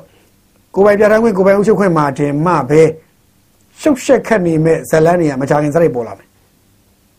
အများကြီးပေါ်လာမယ်ဘ လို့မြင်လဲတော့ကျွန်တော်မသိဘူးအခုပဲဒီဘိုးချုပ်ဘိုးချုပ်ဘိုးချုပ်ကြီးမြောင်းလေးဖိတ်ခေါ်လိုက်တဲ့ဟာနဲ့ပတ်သက်ပြီးတော့အခုတော့အချင်းချင်းမှာဂျားမှာဟိုကွဲဒီကွဲကွဲပြီးတော့ယူဆတွေကွဲနေတာသိရပဲဟိုသာဟိုလိုသာခေါ်လိုက်ရင်ခုနဒီကိုယ်ပဲပြတော့ကိုယ်ပဲအုပ်ချုပ်ခွင့်ကဲကောင်းပြီတင်ပါလို့ပြောရင်အကုန်လုံးကဘာတင်ကြမယ်ထင်လဲတိုင်းသားလက်နက်ကိုဖွဲ့စီကတော့ဘာတင်ကြမယ်ထင်လဲအဲ့ဒါကတော်တော်စိတ်ဝင်စားဖို့ကောင်းတဲ့အခင်းချင်းတော့ဖြစ်သွားသိရတယ်ဖြစ်သွားတယ်လို့ပြောရမှာဖြစ်တယ်အဲ့တော့ကျွန်တော်လွယ်ပြောရရင်ဗျာရှမ်းပြည်နယ်ပဲဆိုကြပါစို့ရှမ်းပြည်နယ်ရှမ်းပြည်နယ်က ရှမ်းပြည်နယ်မှာဘာတွေရှိလဲလို့မေးနော်ပအိုးတွေရှိတယ်ပလောင်တွေရှိတယ်ရှမ်းတွေရှိတယ်နောက်ဟိုဝါတွေရှိတယ်ကိုးကန်တွေရှိတယ်အများကြီးပဲဘယ်လိုလုပ်ကြမလဲအဲ့အကုန်လုံးကအဲ့ရှမ်းပြည်မှာပဲကဲရှမ်းပြည်ကိုယ်ပိုင်ဥချုပ်ခွင့်ရကိုယ်ပိုင်ဥချုပ်ခွင့်ရပေးမယ်ကိုယ်ပိုင်ပြတိုင်းကိုယ်ပိုင်ဥချုပ်ခွင့်ပေးမယ်အဲ့ရှမ်းပြည်ကိုဘယ်သူဥဆောင်မှာအဲ့အဲ့ဘွဲတွေအကုန်လုံးဘယ်သူဥဆောင်မှာအဲ့မှာအချင်းချင်းချကြအောင်မှာ TNLA RCSS SSA SS SSPB အဲ PNLO နော်အခြားသောအခြားသောဟာလေးတွေအဲကိုကန့်ကိုကန့်ဆို MNDAA NDAA နော် UWSA အဲ့မှာနေအဖွဲ့က6ဖွဲ့9ဖွဲ့10ဖွဲ့ဒါကြောင့်တိတိလေးပေါ်နေသေးလားတော့မသိဘူးဗျာအဲ့တော့အဲ့လိုမျိုးတွေအများကြီးပေါ်နေတော့သူတို့ချင်းချင်းမှလည်းခြားကြအောင်မယ်ဆိုလမ်းရှိတယ်အဲ့ဒါလေးလိုက်စဉ်းစားကြည့်ဖို့လိုတယ်ဒါကြောင့်ဒီတချို့ဟာလေးတွေကအခွင့်အရေးကပေးလိုက်တာကလွယ်လွယ်လေးပဲရော့အင်းလို့ပေးလိုက်လို့ရတယ်ဒါပေမဲ့အဲ့ရော့ရင်ပေးလိုက်တဲ့ပြဿနာအဲ့နောက်ဆုံးတည်းမှာရှင်းရမယ်ပြဿနာပေါင်း16000က ပို့ပြီးတော့ဆိုးရတဲ့နိုင်ငံအခင်းချင်းကိုရွှေ့သွားမှကျွန်တော်တို့ကစိုးရင်ရတယ်ဒါကြောင့်ခုနပေးလို့ရတယ်ပေးရင်တော့သူတို့ပေးလိမ့်မယ်သို့တော့ပေးရင်တော့အဲ့ဒီမှာတော်တော်လေးဒီဖွဲ့စည်းပုံချင်ဥပဒေနဲ့ရအောင်သူညှိယူရမယ်ပြီးတော့မလိုလားတဲ့ဟိုစိုးကျိုးတွေထွက်မသွားအောင်ဘေးတဲ့စိုးကျိုးတွေဖြစ်မသွားအောင်လည်းညှိနှိုင်းတိုင်ပင်ယူရမယ်သဘောရှိတယ်ဒါကြောင့်လည်းသူတို့ဖြည်းဖြည်းချင်းညှိကြရမယ်ဆိုတော့ပြောချင်တာဖြစ်တယ်ပြီးတော့အထူးသဖြင့်တော့နိုင်ငံဒီနိုင်ငံကိုဘယ်လိုရှိခီးဆက်ကြမလဲဆိုတဲ့နေရာမှာတော့ဒါအားလုံးကအာဒန်းတူညီများရေးဆိုတဲ့မူပေါင်းနဲ့တော့ရှေ့ဆက်မှာရမယ် ကိုပိုင်အုပ်ချုပ်ခွင့်ကိုယ်ပိုင်ပြတိုင်းခွင့်ဆိုတဲ့နေရာမှာလည်းဒန်းတူညီများရေးပါနေဖို့လိုတယ်အခုဒီဦးရက်စစ်နဲ့ဆွေးနွေးခဲ့တာဦးရက်စစ်နဲ့ဗိုလ်ချုပ်ကြီးမင်းအောင်လည်းဆွေးနွေးတာဒီရှမ်းပြည်ကိုဦးရက်စစ်ကဥဆောင်ပါလားနော်ဝအုပ်စုကဥဆောင်ပါလား PNL လို့အုပ်စုကဥဆောင်ပါလားဥအောင်ခန်းဒီလို့အုပ်စုကဥဆောင်ပါလားနော်ဒီဘက်ကက SSPP တို့ကဥဆောင်ပါလား TNL ကဥဆောင်ပါလား MNDA ကဥဆောင်ပါလား NDA ကဥဆောင်ပါလားဆိုတော့အဲ့ဒီလာမေးခွန်းလာမေးခွန်းလာတော့များစွာကို အဲ့ဒါအားလုံးဘယ်လို unit ဖြစ်အောင်ပေါင်းမလဲဆိုတဲ့ကိစ္စဟာ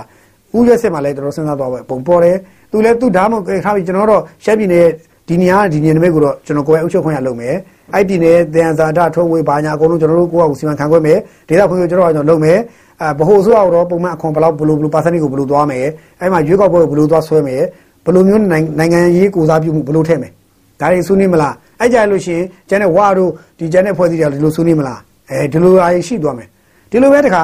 ကရင်သွားရင်ရောဖြစ်မှာလားကရင်မှာလည်းဘယ်လိုဖြစ်မှာလဲကရင်လဲနောက်တစ်ခါကယားကယားကလည်းတဖွဲလေးလို့ထင်လို့လားမွန်ကချင်ကချင်ဆိုပို့ဆိုတဲ့ရှမ်းနီတွေကလည်းအဲ့ကြရင်ကချင်တို့ပြန်ချမှာရှမ်းနီတွေကလည်းရှမ်းနီတွေကလည်းကချင်တွေပြန်ချလိမ့်မယ်ဘာဖြစ်လို့လဲဆိုတော့ရှမ်းပြည်အဲကချင်ပြည်နယ်မှာကချင်တွေရွှေ့ရှိနေတာမဟုတ်ဘူး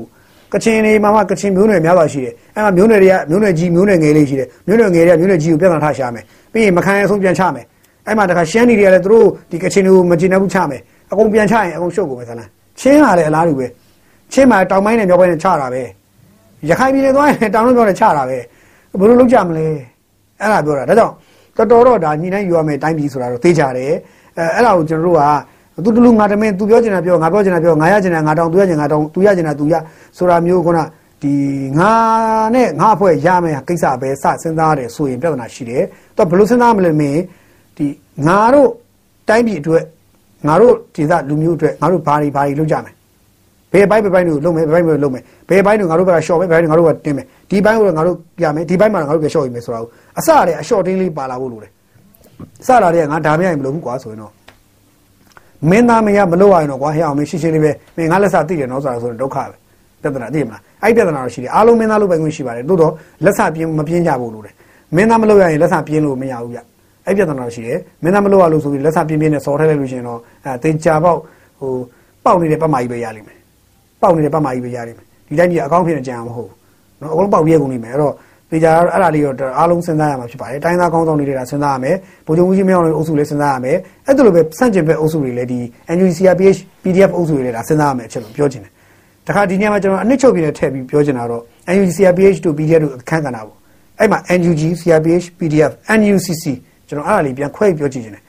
အဲ့တော့ NUCC မှာအခုဆိုရင် NLD ကသူ့ရဲ့ပါဝင်တိုင်းရဲ့ပါဝင်မှုအစားကိုယ်စားလှယ်အဆင့်လျှော့ချပလိုက်တာရှိတယ်ကိုစားပြုမှုပါပဲမိဖက်ဆက်ဆံရေးပဲလုပ်တော့မယ်ဆိုပြီးတော့သူတို့ကြီးညာတယ် NLD ကအဲ့တော့ NLD မှာလည်းတခါအတွင်းပြင်သွားရှိတယ်အတွင်းပြင်သွား NLD မှာလက်နက်ကင်တော်လိုင်းလမ်းစဉ်ပဲသွားမယ်ဆိုတော့အုပ်စုရှိတယ်နိုင်ငံရေးပြဿနာကိုနိုင်ငံရေးနဲ့တိုက်ယူမယ်ဆိုတဲ့လမ်းစဉ်ရှိတယ်အဲ့တော့နိုင်ငံရေးနဲ့တိုက်ယူမယ်ဆိုတဲ့အုပ်စုနဲ့လက်နက်ကင်တိုက်ယူမယ်ဆိုတဲ့အုပ်စုနှစ်စုရှိတယ် အဲ့တော့အဲ့အုပ်စုနှစ်စုအတင်လားဆိုတော့မဟုတ်သေးပါဘူးဒါပြီးတတိယအုပ်စုဆိုတော့ပြောအောင်မယ်တတိယအုပ်စုဘယ်လိုလိုမျိုးဆိုတော့ဘယ်ဘက်ကအခွင့်တာလဲမသိဘူးဒါရဲဘက်မှာငါပြေးရမယ်ဟုတ်ပါကသာဟေးဟုတ်တယ်ဒီပဲဒီပဲဒီပဲဟိုင်းအဲ့လိုအုပ်စုလည်းရှိတယ်အဲ့တော့ထားတော့အဲ့ဒီအုပ်စုကတော့အလေကောင်ကထားတော့အဲ့အုပ်စုကျွန်တော်မပြောတော့အဲ့အုပ်စုဘယ်တော့မှနိုင်ငံရေးမှာအဲ့အုပ်စုကသုံးစာမရတဲ့ဖြတ်မြင်းအုပ်စုဘာမှသုံးလို့မရတဲ့ဖြတ်တာဖြတ်ကိုပြရမယ်မြင်းနေဖြတ်မြင်းဆိုတော့ဟိုလိုမဟုတ်ဘူးဖြတ်ပြရဖြတ်ကိုပြရမယ်မြင်းနေအဲ့မြင်းနေနော်အဲ့တော့ဒီ လက်လက်ကင်လမ်းစဉ်ကိုဦးစားပေးတဲ့လက်လက်ကင်တော်လိုင်းလမ်းစဉ်နဲ့ရွေးချယ်တဲ့အုပ်စုနဲ့နိုင်ငံရေးနီးလန်းတိုက်မှုဆိုအုပ်စု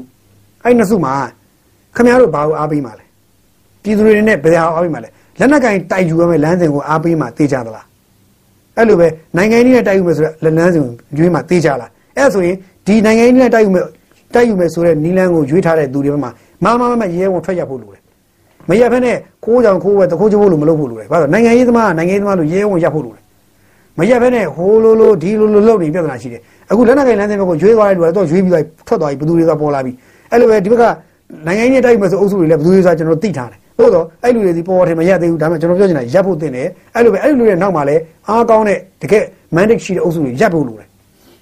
ရပ်ပြီးတော့မှအကုန်အတူထွက်လို့ရထွက်ရမှာအဲ့ဒါမှပူဖြစ်မှာဆိုတော့လက်နက်ကင်လမ်းစဉ်ကိုရွေးချယ်ထားတဲ့လက်နက်ကင်လမ်းစဉ်ပဲယုံကြည်တယ်အဲ့ဒါနဲ့ပဲသွားမယ်ဆိုရင်ပြည်သူလူထုအများစုကအဲ့ဒါကိုယုံကြည်တာလား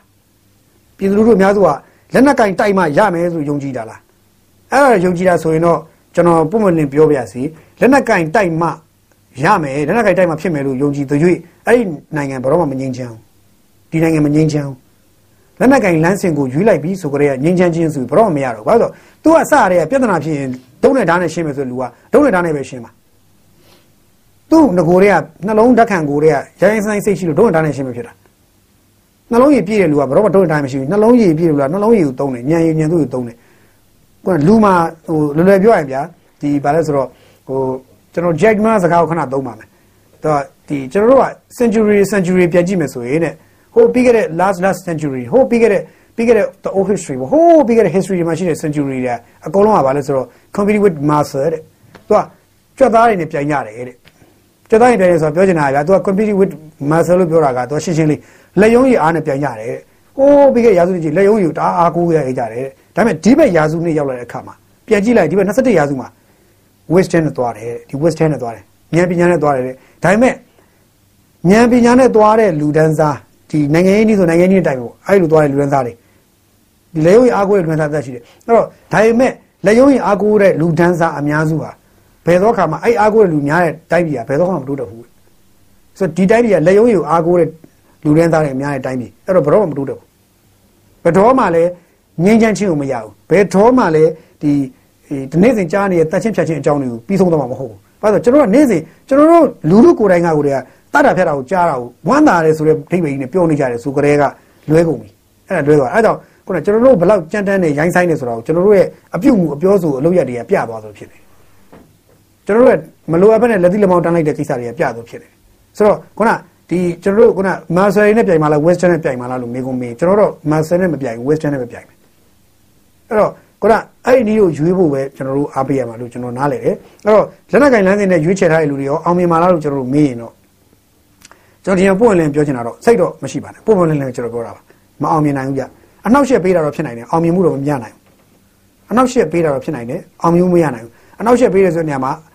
စစ်တပ်ကိုအနောက်ရှက်ပေးတာလည်းဖြစ်နိုင်သလိုအရတားပြည်သူအနောက်ရှက်ပေးတာလည်းဖြစ်နိုင်တယ်နှစ်လမ်းစလုံးဖြစ်နိုင်တယ်ဆိုတော့စစ်တပ်ကိုအနောက်ရှက်ပေးတာတော့ခင်ဗျားတို့လုံးမဲ့လုံးရောလုံးတာလက်ကျွန်တော်ဘာမှမပြောတာပြီမဲ့ဒီရသားပြည်သူနောက်ဆက်ပေးတဲ့ပြဿနာတော့ပြောဖို့ပြောအောင်ဖြစ်နေတယ်ဆိုကြပါစို့ပေါ့ဗျာအာကျွန်တော်တို့အလွယ်လေးဥမာပြောမယ်အခုဒီနေ့ဟိုနေရာမှာဖောင်းတိုင်းဘုံလက်နဲ့ပြစ်ပြီးလုပ်ပြတဲ့လူတွေကကျွန်တော်အဲ့အဖွဲ့အစည်းတွေအကုန်လုံးရဲ့ information တွေအဲ့ဒီအဖွဲ့အစည်း information အဲ့ဒီအဖွဲ့အစည်းတွေနောက်ွယ်မှာလှုပ်ရှားမှုလုပ်နေတဲ့ information အချို့ကျွန်တော်သိလာခဲ့ရတယ်ရှိပါတယ် အဲ့တော့ကျွန်တော်သိလာခဲ့တဲ့အကြောင်းအရာတွေမပြောတော့ဘဲနဲ့ကျွန်တော်ကြော်လိုက်မယ်အဲ့ဒါကိုကြော်ပြီး skip လုပ်ပြီးလူရင်းပြောရရင်အဲ့ဒီလူတွေကဥပမာဆိုရဲစခန်းတစ်ခုကိုရန်ကုန်မြို့မှာရှိတဲ့ရဲစခန်းတစ်ခုကိုဘုံပစ်ထည့်လိုက်မယ်အဲ့လိုဘုံပစ်ထည့်လိုက်လို့ရှိရင်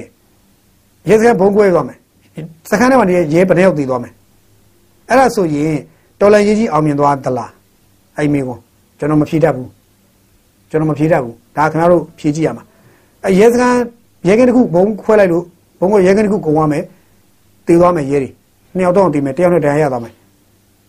ပြီးသွားပြီလားတော်လန်ရေးအောင်မြင်သွားပြီလားအဲ့လိုမျိုးဘယ်နှချိန်ခွဲရင်အောင်မြင်မှာလဲအချိန်တစ်သောင်းလားတစ်သိန်းလားတစ်သန်းလားဘယ်နှချိန်ခွဲရင်အောင်မြင်မှာလဲအဲ့လိုခွဲလိုက်အောင်မြင်သွားမယ်လို့ဘသူကဘသူကနောက်ကနေ control လုပ်တာဘသူကလာပြီးတော့အဲ့ခွဲလိုက်ရင်အဲ့လိုခွဲလိုက်ရင်တော့စစ်တပ်ကအကောင်တွေထွက်ပြေးသွားပြီထွက်ပြေးပြီးတော့အရှုံးပေးပြီးတော့လက်နဲ့ချပြီးငါတို့အညံ့ခံလိမ့်မယ်လို့ဘသူကအဲ့တင်ရုံးတွေသင်ပေးတယ်ကျွန်တော်နားမလည်ဘူးကျွန်တော်တို့နားမလည်ဘူးလုံးဝနားမလည်ဘူးဘာလို့ဒီလိုမျိုးလုပ်လိုက်ရင်အောင်မြင်မယ်လို့ ယုံကြည်နေကြတဲ့ကတခုလွဲပုံရတယ်ကဘာမှာအာနာသိန်းကြီးတွေနောက်တစ်ခါပြန်တော်လန်တဲ့ကြီးတွေ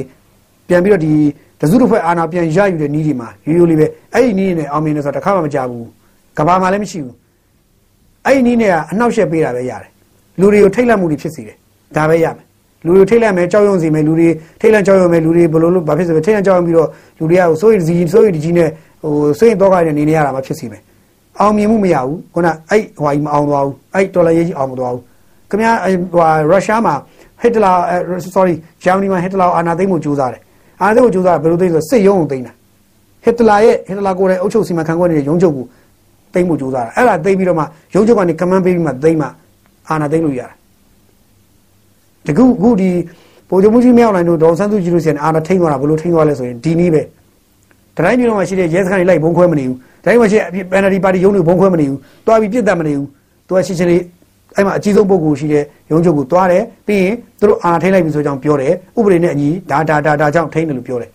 ပြောပြီးတော့သိထိန်းလိုက်တယ်ထိန်းပြီးတော့သူတို့ထောင်ထဲခဏထည့်ထားလိုက်တယ်ထိန်းထားလိုက်တယ်ပြီးရင်လွတ်တော်ထဲမှာရှိတဲ့ကိုယ်စားလှယ်တို့တွားပြောတယ်ကျွန်တော်တို့ဘာကြောင့်အာဏာထိန်းရတယ်ဘာဘာဘာလုပ်တယ်ဘာကြောင့်ဘာကြောင့်ဖြစ်တယ်အဲ့တော့ခင်ဗျားတို့အနေနဲ့ကောင်းကောင်းမအေးအေးကိုယ့်ပြန်ပေးကြပါပြန်ပြီးတော့အေးဆိုကြပါအားလုံးတည်ငြိမ်သွားတဲ့ခါကျရင်ပြန်ခေါ်ပါမယ်